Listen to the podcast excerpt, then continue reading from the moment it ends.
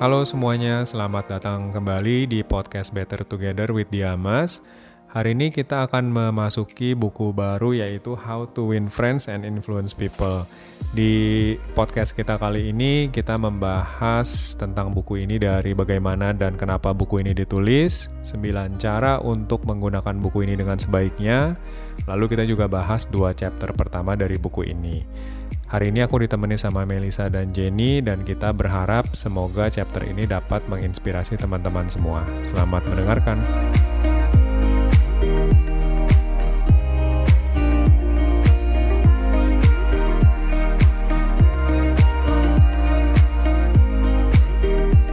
Halo semuanya, selamat datang kembali di podcast Better Together with Diamas.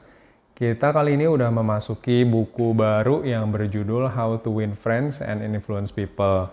Nah, karena ini adalah podcast pertama untuk buku ini, aku mau ngebahas mengenai bagaimana dan kenapa buku ini ditulis, lalu 9 cara gimana kita bisa dapet uh, dari buku ini itu yang sebaiknya yang bisa kita manfaatkan. Baru abis itu kita akan masuk ke chapter ke satu dan kedua. Hari ini aku ditemenin sama Melisa dari tim desain. Halo Kak Juan. Apa kabar Mel? Baik kok. Semangat? Semangat. Oke, terus ada lagi Jenny dari tim accounting. Apa kabar Jen? Baik kok. Semangat juga? Semangat. Oke. Nah, eh, aku mau mulai sama Mel dulu deh. Mel, bisa diceritain nggak nih ke teman-teman uh, gimana sama kenapa sih buku ini ditulis? Hmm, jadi uh, tujuan buku ini ditulis itu biar uh, kita tuh dapat meningkatkan kemampuan untuk bersosialisasi dan menyampaikan pesan dengan lebih luas dan jelas, mm-hmm. baik itu ke keluarga, ke teman kerja, ke teman atau ke atasan. Berarti intinya gimana kita menjalin hubungan dengan kehidupan sosial kita gitu ya? Iya betul. Oke, terus di bagian itu juga dijelasin kan ya Jen, uh, ada nih uh, riset yang dilakukan sama Carnegie Institute of Technology. Hasilnya apa tuh temuannya? Ada. Jadi sekitar 15% kesuksesan keuangan disebabkan oleh pengetahuan teknis seseorang dan sekitar 85% disebabkan oleh keahlian dalam rekayasa manusia, kepribadian, dan kemampuan memimpin orang. Apa tuh artinya Mel? Kan kita kenal yang namanya hard skill dan soft skill ya. Mm -mm. Apa tuh? Nah, Hard skill itu uh, apa sih? Hard skill itu keterampilan atau pengetahuan khusus. Jadi kalau misalkan aku uh, kuliah desain, berarti aku punya kemampuan mengenai tentang desain. Mm-hmm, berarti hard skill kamu di desain. Iya betul. Nah terus uh, ada soft skill. Nah mm-hmm. soft skill itu bagaimana cara kita berinteraksi dengan orang lain. Kayak contohnya itu komunikasi, terus memanage waktu. Mm-hmm. Jadi lebih kepada uh, kepribadian dan perilaku kita sendiri gitu. Oke, okay. kalau soft skillnya kamu apa? Kalau sosial aku mungkin kreativitas kali ya, karena kan aku kan ber, berterjun di dunia desain. Terus gimana kamu ngegunain soft skill kamu itu Mel di kehidupan sehari-hari di Diamas maupun di rumah? Kreativitas aku ya, hmm. misalkan kayak uh, aku bisa nih uh, berkomunikasi sama, misalkan aku sama orang dewasa nih aku gimana cara uh, berkomunikasinya. Hmm. Tapi kalau misalkan sama rekan, rekan kerja atau sama teman, oh gimana komunikasinya kan itu mainin kreativitas juga. Oke, jadi kamu beradaptasi di lingkungan yang berbeda-beda menggunakan kreativitas gitu. Iya betul. Oke, kalau Jenny, apa nih soft skillnya Jenny? Soft skillnya bisa menempatkan diri. Boleh dijelasin maksudnya gimana bisa menempatkan uh, diri itu? Kalau kan bisa berkomunikasi menempatkan diri dalam berkomunikasi, misalnya mm -hmm. kalau sama orang yang lebih tua berkomunikasinya kayak gimana kalau sama mm -hmm. anak kecil kayak gimana kalau aku hampir sama cuman ada sedikit perbedaannya misalnya uh, aku kan introvert mm -hmm. jadi kalau misalnya jadi aku sendiri tahu nih oh kalau bisa jadi seorang introvert ketemu sama ekstrovert yang lebih banyak ngomong kadang kan suka pusing mm -hmm. jadi ya kalau misalnya ketemu sama orang yang aku tahu dia introvert juga jadi lebih ya gitu apa tuh lebih nggak banyak ngomong iya gitu. jadi ya nyesuaiin diri juga yeah. gitu oke okay. uh, eh, aku mau nanya balik lagi ke Mel nih setuju nggak sama hasil dari riset yang dilakukan sama Carnegie Institute of Technology itu? Kalau orang yang 85 persennya lebih sukses itu karena skill yang berhubungan dengan uh, soft skill itu tadi. Setuju. Setuju kenapa? Karena kan kita hidup di dunia hidup apa ya di dunia sosial di dunia mm -hmm. sosial Mm-mm. hidup di lingkungan sosial lah ya Iya. jadi kita nggak mungkin hidup berdasarkan diri kita sendiri gitu kita perlu bantuan orang lain Mm-mm. nah bantuan orang lain kita nggak cuma ngandelin pengetahuan doang nih aku pinter terus udah gitu tapi kan eh, apalagi di dunia kerja pasti kita butuh yang namanya orang lain Mm-mm. aku misalkan desain aku juga butuh orang purchasing nih untuk eh, nyetak desainnya nah itu kan aku harus berhubungan sama orang lain nah kalau misalkan aku nggak punya kemampuan berkomunikasi pasti apa ya Bukan cuma komunikasi, mungkin gimana berhubungan dengan orang lain. iya gitu. bagaimana cara berhubungan dengan orang lain yang baik gitu. Oke, kalau Jenny setuju nggak? setuju Kenapa? karena kalau misalnya kita nih dalam lingkungan kerja kita mau melamar kerjaan aja di CV itu kan harus ada soft skill dan hard skillnya ya Mm-mm. kayak misalnya pengalaman kerja kamu apa Mm-mm. terus sekolahnya di mana kan itu juga nggak dinilai dari pengetahuan aja jadi dari keterampilan juga dinilai Oke, pernah punya pengalaman nggak? Mungkin punya rekan kerja atau temen yang mungkin eh, skillnya jago banget nih, tapi karakternya kurang. Ada nggak? ada Nah, coba boleh ceritain, tapi namanya disensor aja. ada teman apa waktu kuliah Ah, ah. jadi tuh dia tuh pintar banget nih Mm, ya kan dia tuh suka kerja sendiri mm, ya kan nah dia punya terus waktu itu ada kerja kelompok nah kerja kelompok ini kan pasti ada banyak ada teman-temannya lain kan nah, mm. si orang ini tuh nggak percaya eh, buat nyerahin tugas buat ngebagi-bagi tugas ke teman-teman yang lain gitu karena dia nggak yakin teman-teman yang lain tuh bisa ngerjain kayak kayak dia gitu Oh, ngikutin. jadi ngeremehin orang lain. Iya betul. Oke, Jadinya tuh dia eh, ngerjain sendiri nih. Hmm. Bagus sih buat teman-teman yang lain kan. Jadi mereka nggak perlu capek-capek. Cuma kan eh, nggak ada yang bisa didapetin dari si teman ini gitu. Hmm. Kayak apa ya? Emang gua nggak bisa kerja ya gitu. Hmm, Jadi apa ya? eh kayak nggak bisa mengandalkan orang lain gitu. Jadi dia cuma mengandalkan diri dia sendiri gitu. Tapi dia begitu hanya untuk kerjaan sekolah aja atau kehidupan pribadinya pun dia kayak lebih condong menyendiri gitu.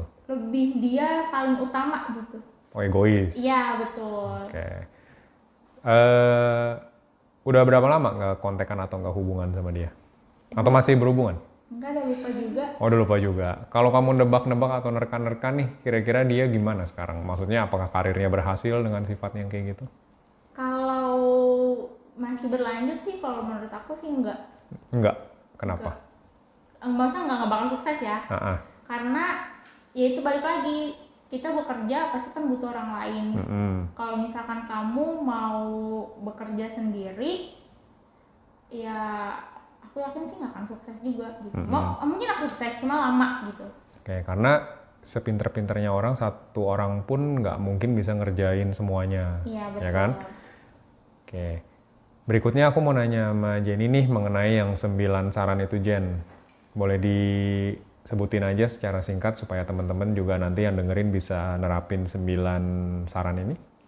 Boleh. Yang pertama, ingin untuk memahami atau menguasai isi dari buku Yang kedua, baca eh, setiap bab itu dua kali, jadi biar kita bisa memahami inti dari setiap bab.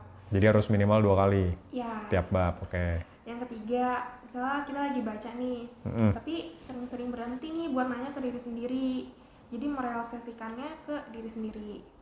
Terus yang keempat, menggarisbawahi setiap gagasan yang penting dari buku ini. Jadi kita bisa dapat poin-poin pentingnya nih.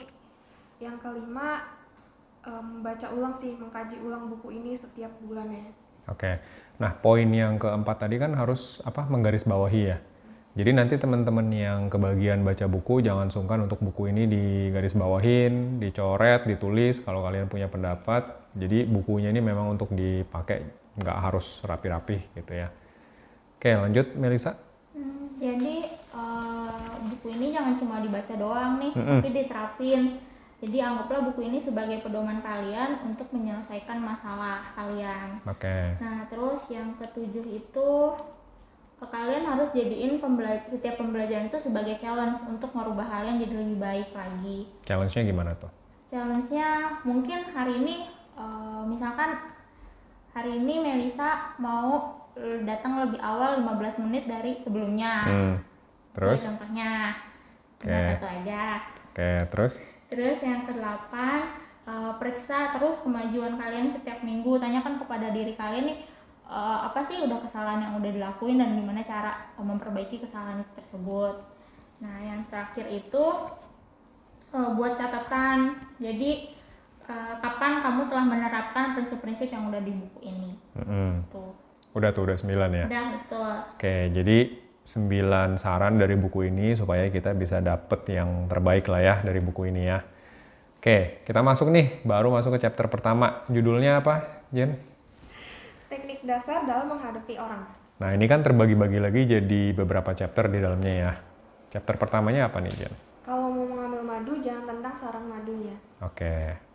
Uh, boleh di-sharing ke teman-teman dapat apa nih dari chapter ini kamu? Ada dari satu ceritanya Lincoln. Ya. Jadi Lincoln ini kan punya pribadi yang suka mengkritik orang ya uh, bahkan bukan cuma mengkritik doang dia suka mengolok-olok orang gitu jadi ada satu saat dia mengolok-olok orang dia mengirim mengirim pesan gitu terus disebarluaskan mm-hmm. nah ketika si orang ini tahu nih siapa pelakunya dia langsung ngajak uh, si Lincoln dia langsung datengin si Lincoln ini terus ngajak perang gitu kayak berantem mm-hmm. terus karena si Lincoln ini mempertahankan harga dirinya lah istilahnya jadi dia terima gitu padahal apa berantem gitu kayak bertentangan gitu sama kepribadiannya dia. Terus pas di detik-detik terakhir itu uh, istri-istri dari dua orang itu tuh kayak menangin mereka gitu kayak misahin gitu. Nah dari situ si Lincoln ini paham jadi dari situ dia belajar uh, ya tidak asal mengkritik orang Oke, jadi hikmahnya kalau misalnya kita uh, ambil itu orang itu jarang sekali menyalahkan dirinya mereka walaupun mereka yang salah gitu ya mereka selalu nganggapnya uh, mereka tuh nggak pernah salah walaupun terang-terangan mereka yang salah terus dari buku ini juga kan dibilang kalau kritikan itu bahaya karena itu dapat melukai rasa apa ya bangganya seseorang mungkin atau egonya seseorang Uh, jadi kalau bisa tuh dihindarin. Nah, Melisa setuju nggak sama hikmah dari buku ini? Atau chapter ini? Setuju. Setuju. Mm -mm. Kenapa? Uh, kita nggak mau dong orang lain dendam sama kita, mm -hmm. ya kan? Nah di buku ini dijelasin kayak dengan mengkritik sebenarnya kita tidak membuat perubahan yang bertahan lama dan mm -hmm. justru malah membuat orang dendam ke kita. Mm -hmm. Jadi kan dengerin kritik orang kan nggak enak banget kan, yeah. apalagi kalau misalkan ngeritiknya kayak lo nggak bisa kerja ya gitu. Mm. Terus kita akan ngerasa ngedown terus emang iya ya nggak bisa gitu terus itu kan nggak membantu kita untuk jadi lebih baik lagi gitu Oke, tapi yang namanya di dunia kerja itu kan pasti ada, mungkin terkadang nih ya, walaupun kita udah ngasih yang terbaik, mungkin masih belum memenuhi harapan atasan kita misalnya contohnya. Terus atasan itu kan harus memberikan feedback dong. Nah, gimana tuh caranya supaya memberi feedback yang baik dan nggak jadinya kayak mengkritik hasil kerja bawahannya misalnya? Mungkin dari perkataannya kali ya. Hmm. Misalkan uh, kan mengganti kata kayak lo bisa kerja nggak sih lebih kayak ini kamu ada yang kurang ini kamu -hmm. perbaikin di bagian ini ya gitu. Nah, Oke. Okay. Nah itu kan kata-kata itu sebenarnya kan maknanya sama ya sama-sama untuk memperbaiki tapi e, cara dia cara dia berbicara itu kan lebih baik yang kedua yang tadi yang aku bilang. Oke. Okay. Terus kesabaran kan ada batasnya nih Mel. Ya. Misalnya pertama-tama masih bisa nih dibilangin baik-baik sama atasannya. Tapi ternyata bawahannya e, mengulangi kesalahan yang sama atau belum memenuhi ekspektasi si atasan berulang-ulang. Nah kalau kamu yang jadi atasannya kamu ngadepinnya gimana tuh? Misalnya udah ketiga kali nih tim kamu ngasih kerjaan yang nggak sesuai harapan kamu. Padahal udah dikasih feedback yang baik-baik.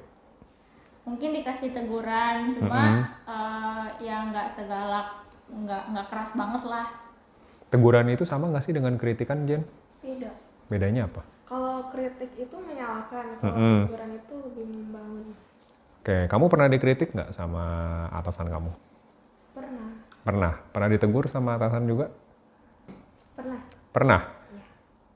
ketika kamu lagi dikritik atau ditegur itu bisa ngebedain nggak? Bedain tapi paling dari cara eh, nada bicaranya. Nada bicaranya lebih sakit atau lebih berdampak dikritik atau ditegur?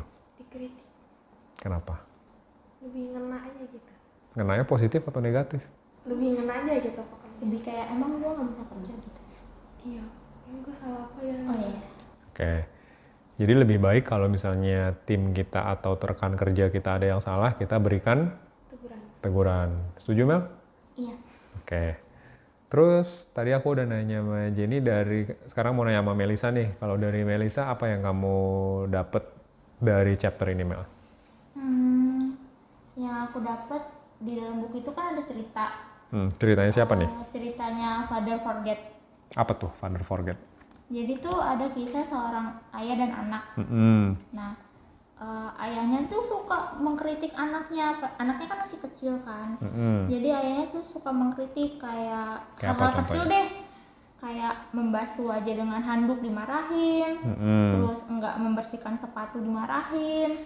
Terus melempar barang ke lantai dimarahin juga. hmm. Terus menumpahkan sarapan. Jadi dikit-dikit diomelin Iya, terus dong hal-hal, ya ini ya. hal-hal kecil tuh di, diomelin terus kan. Padahal Mm-mm. kan anaknya masih kecil gitu. Nah, ada satu ada satu cerita kayak eh, anaknya tuh kan lagi main gundu tuh. Hmm, Kan lagi main lagi asik tuh main sama teman-temannya.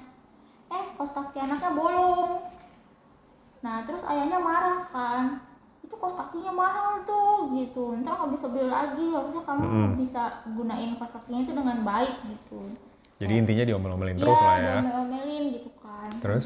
Habis diomel-omelin gitu kan, eh, anaknya malah justru kayak eh, malah meluk bapaknya gitu, malah meluk ayahnya, terus Mm-mm. mencium mencium ayahnya gitu kan. Hmm, Nah terus eh, ayahnya ngomel lagi nih pas malam, terus tiba-tiba nanti anaknya datang melukin ayahnya terus bilang kayak selamat malam gitu. hmm, Nah dari situ ayahnya ngerasa kayak oh anak aku tuh eh, masih kecil loh, jadi aku nggak bisa berekspektasi terlalu tinggi mengharapkan sesuatu yang hal-hal yang mungkin eh, bapaknya itu nggak suka gitu. hmm. Jadi bapaknya mungkin bisa ngajarin dia eh, hal-hal sesuai dengan umurnya gitu. Jadi kayak lebih eh, jangan apa ya, jangan mengkritik, jangan memarahi, tapi lebih kayak ngasih tahu, oh ini Hmm. jangan kayak gini ya, nggak boleh kayak gini ya gitu.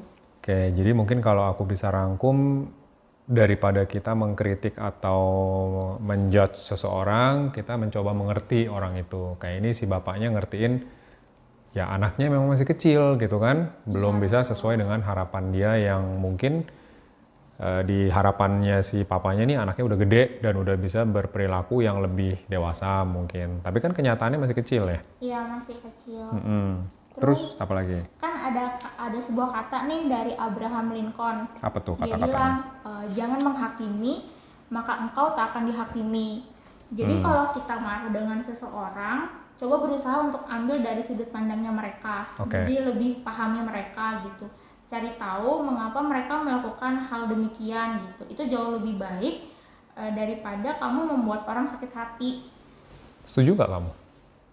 Setuju? Jadi setuju gak? Setuju setuju Setuju. Nah, aku mau nanya deh. Eh, mungkin ini eh, alasan klasik ya, tapi pengen nanya pendapat kalian. Misalnya ada maling ketangkep nih, maling motor deh misalnya. Banyak kan curanmor atau begal tuh ya kan. Ketika dia melakukan tindakan pencurian terus ketangkep, ketika ditanya alasannya apa biasanya? uang Apa? Uangnya kenapa? butuh uang Butuh uang. Butuh uang untuk apa biasanya Mel? Buat makan. buat makan, buat buat istri, buat anak gitu kan. Kalau kita menaruh posisi kita di diri mereka dan berusaha mengerti mereka, apakah artinya kita akan jadi seperti mereka atau bahkan kita membebaskan mereka karena kita mengerti mereka? Enggak. Enggak. Jadinya gimana dong? kayak mungkin kalau aku yang jadi yang punya tuh rumah ya yang dimalingin Motor. ya Ah. yang punya tuh rumah kan motornya di rumah ceritanya Ya, terus terus aku kan malingnya mau digebuk tuh ya sama orang ah, dihakimi. ah, dihakimi Terus? aku bilang udah jangan digebuk nanti mati gitu Ah. kan kalau kamu butuh uang misalkan dia masih muda nih orangnya Ya. akan ada pekerjaan halal yang lain selain jadi maling Oke, tapi kan orang itu tetap harus ditindak secara hukum dong. iya Nah, berarti harus tetap ditindak. iya tetap ditindak tapi jangan dipukulin Jangan dipukulin. Mm-mm. Tapi ya artinya kita sebatas pengertian aja. iya Setuju Jenny? setuju Setuju? kalau ada orang yang nyolong motor kamu, kamu ngertiin nggak? kayaknya harus ngeliat ke diri sendiri Kayak apa tuh Berarti maksudnya? kalau misalnya kalau misalnya motor kita kemalingan nih Mm-mm. berarti kan ada satu hal yang salah entah itu pagar nggak dikunci apa Hmm. motor yang kurang ya keamanannya kurang safety atau gimana oh lebih ini apa jangan menyalahkan orang lain tapi kita lihat dari diri kita sendiri kita udah Oh. benar belum Itu masuk ke chapter 2 dong berarti. Iya kan kita berhubungan guys Oke. Eh, sebelum kita masuk ke chapter berikutnya, eh, ada lagi nggak yang mau ditambahin dari chapter ini?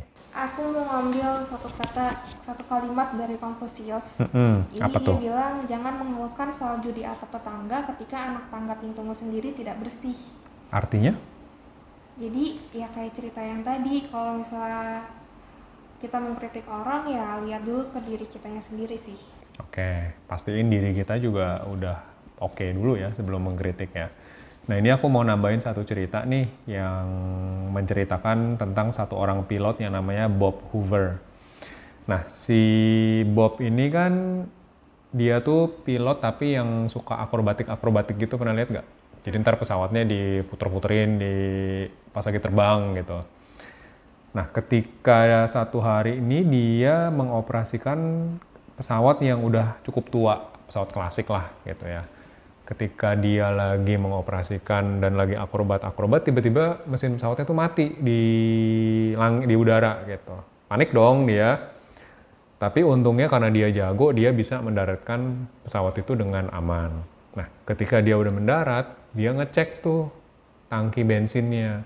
Dan ternyata bener aja, diisinya tuh malah sama aftur dan bukan bensin. Karena pesawat-pesawat model klasik tuh harusnya diisi pakai bensin, bukan kayak pesawat modern yang diisinya pakai aftur. Nah, ketahuan lah si eh, apa yang ngisi itu kan mekaniknya pesawat tuh. Kalau kamu jadi mekanik pesawat itu takut gak? Takut. Takut kenapa? Karena kan membahayakan nyawa orang. Nah, terus kalau misalnya pilotnya mendarat nih, dia hampir meninggal gitu gara-gara kamu kecelakaan, terus dia datengin kamu, kamu takut gak? Eh, takut. Melisa takut gak? dia udah mati Enggak, dia selamat mendarat. oh Tapi tapi kan penyebab em, kapal atau pesawatnya itu mati kan kamu karena kamu salah isi jenis bensin tuh. Terus dia datengin kamu, kamu takut gak? takut Takutnya kenapa? takut dimarahin Dimarahin. iya Nah, ceritanya di cerita si Bob ini dia datengin bukan malah untuk marahin. Tapi dia malah gemilangin untuk ngasih lihat ke kamu kalau apa saya yakin kamu nggak bakal ngulangin kesalahan yang sama. Besok kamu isi lagi ya pesawat saya gitu.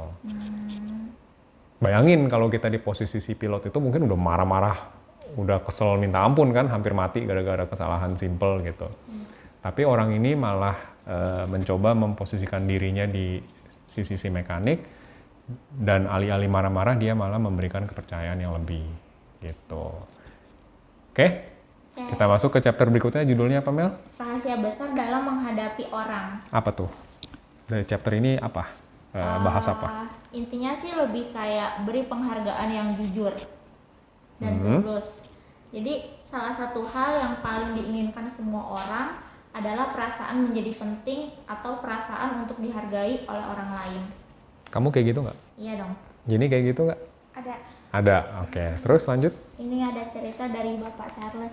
Nah, eh, si Bapak Charles ini tuh eh, diangkat jadi presiden oleh atasannya, presiden suatu perusahaan baja. Nah, eh, dia diangkat bukan karena dia jenius. Dia juga Berarti eh, hard skill-nya biasa aja. Iya, Oke. terus dia juga nggak pinter nih di perusahaan baja gitu. Masih ada banyak orang lain yang lebih pintar daripada dia. Mm-mm. Tapi kenapa dia diangkat? Nah, eh, dia bisa diangkat. Dia bilang gini, eh, tidak ada yang bisa membunuh ambisi seseorang selain kritik dari atasan. Mm-mm. Saya tidak pernah mengkritik siapa pun. Saya lebih percaya pada memberi insentif kepada seseorang agar dia mau bekerja. Jadi, saya sangat ingin memuji, tapi tidak suka menemukan kesalahan. Mm-mm. Kayak menyukai sesuatu, saya dengan senang mendukung dan dengan murah hati memuji. Mungkin sama halnya cerita kayak eh, pesawat tadi, Mm-mm. dia nggak menyalahkan orang, dia nggak menyalahkan nih si yang ngisi uh, isi bensin itu Ya. tapi dia masih mem- uh, masih memberikan sebuah kepercayaan gitu dia yakin daripada dia harus mengkritik Mhm. orang itu akan sakit hati akan lebih baik kayak bilang oke nggak apa-apa gitu kamu ini ini adalah satu kesalahan yang yang udah kamu lakuin tapi aku yakin besok kamu nggak akan lakuin kesalahan yang sama Kamu eh, setuju nggak sama hikmah dari ceritanya ini? Atau kamu punya pendapat apa nggak tentang cerita ini? setuju nggak setuju tergantung orangnya Maksudnya gimana? Tergantung orangnya tuh gimana? terkadang kalau misalkan eh, orang sering dibilang nggak apa-apa orangnya jadinya tinggi hati gitu jadi kayak udah nggak apa-apa sama atasan atasan juga kayaknya memaklumi gitu jadinya Diremehin ya? Oh, oh, jadi Oke. nanti ngelakuin kesalahan lagi tapi kalau misalkan bawahannya bener nih Mm-mm. kalau misalkan eh, ya udah nggak apa-apa eh, tapi kamu nanti jangan ngulangin lagi gitu terus dia secara sadar oh ya eh, atasan aku ngasih kepercayaan ke aku jadi aku nggak boleh ngelakuin kesalahan lagi gitu jadi ada ada dua sudut pandang yang mungkin beda gitu Kalau kamu tipe yang mana? Yang pertama atau yang kedua? anakku anak baik jadi yang kedua dong Yang kedua. Kalau Jenny? yang kedua Yang kedua. Yang bisa tahu atasannya masing-masing lah ya. Tapi Jenny setuju nggak sama cerita atau hikmahnya dari Mel punya cerita tadi? kayak tergantung ke pribadi orangnya masing-masing Jadi sama kayak Mel, tergantung dari orangnya masing-masing. Oke, kalau Jenny sendiri, ada cerita yang mau diangkat nggak dari chapter ini atau misalnya punya cerita pribadi yang bisa di-share ke teman-teman? ada dari cerita ini Apa eh, tuh? dari chapter ini chapter pertama eh chapter kedua ini kan di awal dia nyebutin ada delapan hal yang paling diinginkan orang ya Mm-mm. yang pertama kesehatan kedua makanan ketiga tidur keempat uang Mm-mm. kelima kehidupan setelah kematian keenam kepuasan seksual tujuh kesejahteraan Mhm. anak delapan perasaan bahwa dia itu penting Oke. Nah di sini tuh ada cerita uh, satu dokter dia tuh punya pasien. Jadi pasiennya itu kayak yang mau kehidupan rumah tangga yang ya diidam-idam diidam-idamkan sama wanita pada umumnya lah. Hmm, yang kayak di anak, film-film gitu ya. yang romantis, yang punya anak. Terus tapi suaminya ini malah keterbalikannya gitu jadi nggak mau makan bareng sama dia bahkan nyuruh dia buat bawain makanannya ke kamar gitu Hmm, terus dia juga nggak punya anak jadi dari situ karena mungkin dia uh, punya keinginan berpegang teguh sama keinginannya itu jadi akhirnya dia uh, memiliki kegangguan eh gangguan kejiwaan yang mana yang cewek apa cowoknya? Istri atau suaminya? istrinya ya. Istrinya. Kenapa tuh, Jen? karena kan dia terlalu berpegang teguh tuh sama keinginannya Mm-mm. ya dia punya mimpi yang mau jadi apa istri diratukan sama suaminya lah Oke. ibaratnya. Tapi tapi ke- ternyata suaminya malah tidak memperlakukan itu ke dia jadi saking dia berpegang teguh sama dia punya keinginan itu akhirnya dia punya gangguan kejiwaan jadi cacat mental gitu ya. iya Karena impiannya nggak tercapai. iya Oke, apa tuh hikmah yang kita bisa ambil dari cerita kamu? Uh, kalau punya keinginan ya boleh kan kita setiap orang juga punya keinginan masing-masing ya Mm-mm. Walaupun memang kadang kita nggak kasih tahu ke orang lain maksudnya kita sendiri juga nggak tahu nih kadang keinginan kita apa sih tapi kadang dari hal kecil itu kan sebenarnya bisa kita rasain ya oh ini ya gitu Mm-mm. jadi kalau misalnya apa pun itu jangan terlalu berpegang teguh sih kayak jangan terlalu kokoh lah ist- istilahnya Karena kan aku yakin kita semua maupun di kehidupan pribadi atau pekerjaan pasti punya impian atau cita-cita gitu kan. Nah mungkin ada nih teman-teman yang lagi dengerin yang mungkin lagi stuck atau mungkin yang masih berusaha mengejar mimpinya atau masih jauh dari mimpinya supaya mereka nggak terlalu stres tertekan itu mesti gimana tuh Mel? Eh, kalau aku sih lebih kayak dibawa santai aja gitu karena kalau misalkan nih aku punya eh, suatu impian gitu Hmm. dan ternyata satu impian itu mungkin eh, gagal gitu ya Eh, berarti aku harus pikirin gimana untuk bisa nyampein impian itu lagi dengan cara yang lain gitu tapi bukan berarti itu jadi beban pikiran aku kayak aku mikirin terus nih harus tercapai harus tercapai gitu Mm-mm. tapi aku harus pikirin itu lebih kayak pelan-pelan terus eh, pikirin itu matang-matang biar impian aku tuh nggak dibawa stres karena Hmm. kalau misalkan kita bawa sesuatu hal apa pun itu kalau kita bawa stres itu justru nggak akan berdampak baik gitu buat Hmm. kitanya ya kalau kalau buat aku secara pribadi kalau aku ngelakuin sesuatu yang akunya stres akunya sedih aku ngerasa aku nggak bisa ngelakuin itu nantinya dengan baik gitu Oke. Mungkin aku tambahin juga nih, namanya impian itu kan pasti kita pengen yang bagus-bagus ya kan? Hmm. Dan itu biasanya nggak mudah. Nah mungkin kita sendiri juga perlu sadar kalau untuk capai impian itu perlu kerja keras yang luar biasa gitu. Nggak mungkin tanpa ada usaha atau tanpa ada plan, impian kita tuh tercapai gitu aja. Setuju nggak? setuju Setuju, oke. Nah, aku mau nanya Mel lagi nih. Tadi kan udah eh, ngangkat cerita yang di mana kita harus memberikan apresiasi terhadap orang lain. iya betul Nah, gimana nih kamu aplikasiin ini di kehidupan kerja atau kehidupan pribadi kamu? Eh, apresiasi itu nggak bisa apa ya nggak cuma melulu tentang hadiah mungkin menurut aku ya Ya, tapi sekedar kalian ngucapin terima kasih aja tuh si orang itu udah merasa dihargain Mm-mm. misalkan aku dibantu sama teman aku nih eh, dibantu kerjaannya gitu Mm-mm. Eh, udah di- dibantu aja gitu.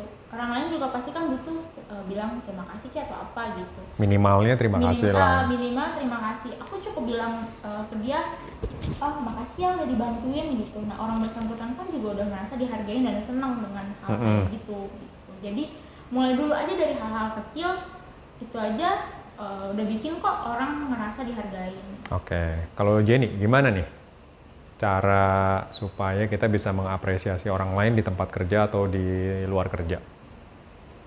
Eh, di kayak di chapter pertama itu lebih menegur aja sih daripada mengkritik Mm-mm. misalnya kalau Misalnya gimana? misalnya kita mengkritik orang nih eh kok kamu gini sih kamu salah ini ini ini kayak lebih menyalahkan gitu kan tapi kalau saat teguran kayak mungkin eh, ngomongnya lebih eh, nanya kenapa dia bisa salah misalnya Mm-mm. terus di akhir ya kasih saran oh kalau misalnya kamu ini nantinya bakal kayak gini gini gini loh Oke. Kalau aku tanya sama Mel, kan aku atasan kamu nih Mel, kamu tim aku nih. iya betul Sering diapresiasi kan ya sama aku? pernah Pernah, tapi kurang. Kurang sering, ah ya kurang banyak kurang banyak. enggak enggak bercanda pernah kok Pernah, oke. Eh, perlu dikasih tahu contohnya Nggak usah. Hmm. Eh, kita lanjut ya. Eh, di buku ini kan juga ngebedain ya antara ngasih eh, pujian yang tulus sama pujian yang istilahnya dibuat-buat gitu. ya Jadi bisa bantu jelasin bedanya? Ada contohnya nggak yang bisa di-share ke teman-teman? ada yang nggak tulus. Misalnya Mm-mm. aku masakin nyani nih bawain dia kayak sushi ala ala gitu. Oke, terus dia ya buat nyenengin hati aku kayak oh enak enak enak. Gimana cara bikinnya? gitu. Tapi Pa- padahal mah biasa aja. Ya padahal mah dia bisa beli di tempat lain yang lebih enak gitu. Oke. Ini berarti kita perlu konfirmasi ke Nyani nih. Eh, iya Tapi kalau kamu dapat pujian dari Nyani yang seperti itu, kamu terima atau dalam hati kamu, ah nih orang sebenarnya mah cuma bikin pengen bikin aku seneng doang. Hmm, diajak bercanda aja sih kayak hmm masa gitu Oke. Kalau Melisa ada contohnya nggak Mel? Nah, kayak misalkan aku gambar nih Mm-mm. aku kan eh, ngecat pakai cat akrilik tuh Mm-mm. aku gambar ngasal-ngasal sih bener kan ya aku tahu itu jelek kan Mm-mm. terus aku kasih lihat teman aku bagus nggak gitu kan eh teman aku bilang kayak ih bagus kok gambar kamu bagus gitu kan Mm-mm. terus aku bilang yang bener kamu yang jujur gitu kan Mm-mm. hmm, dia mikir dulu kan hmm, iya sih jelek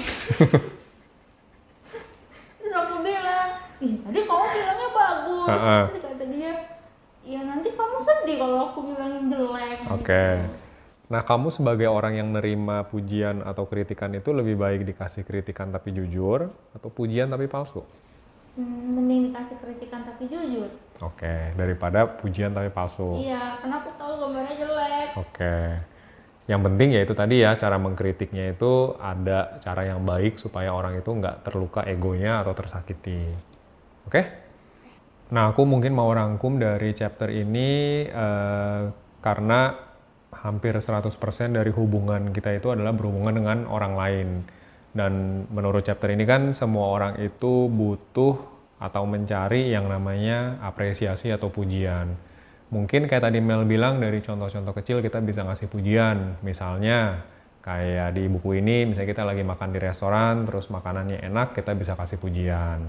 Atau simply dengan mengucapkan apa tadi Mel? Terima kasih. Terima kasih ke orang lain. Jadi nggak harus dengan contoh-contoh besar ya, dengan contoh-contoh kecil pun bisa kita mulai terapkan di buku ini, uh, di kehidupan kita.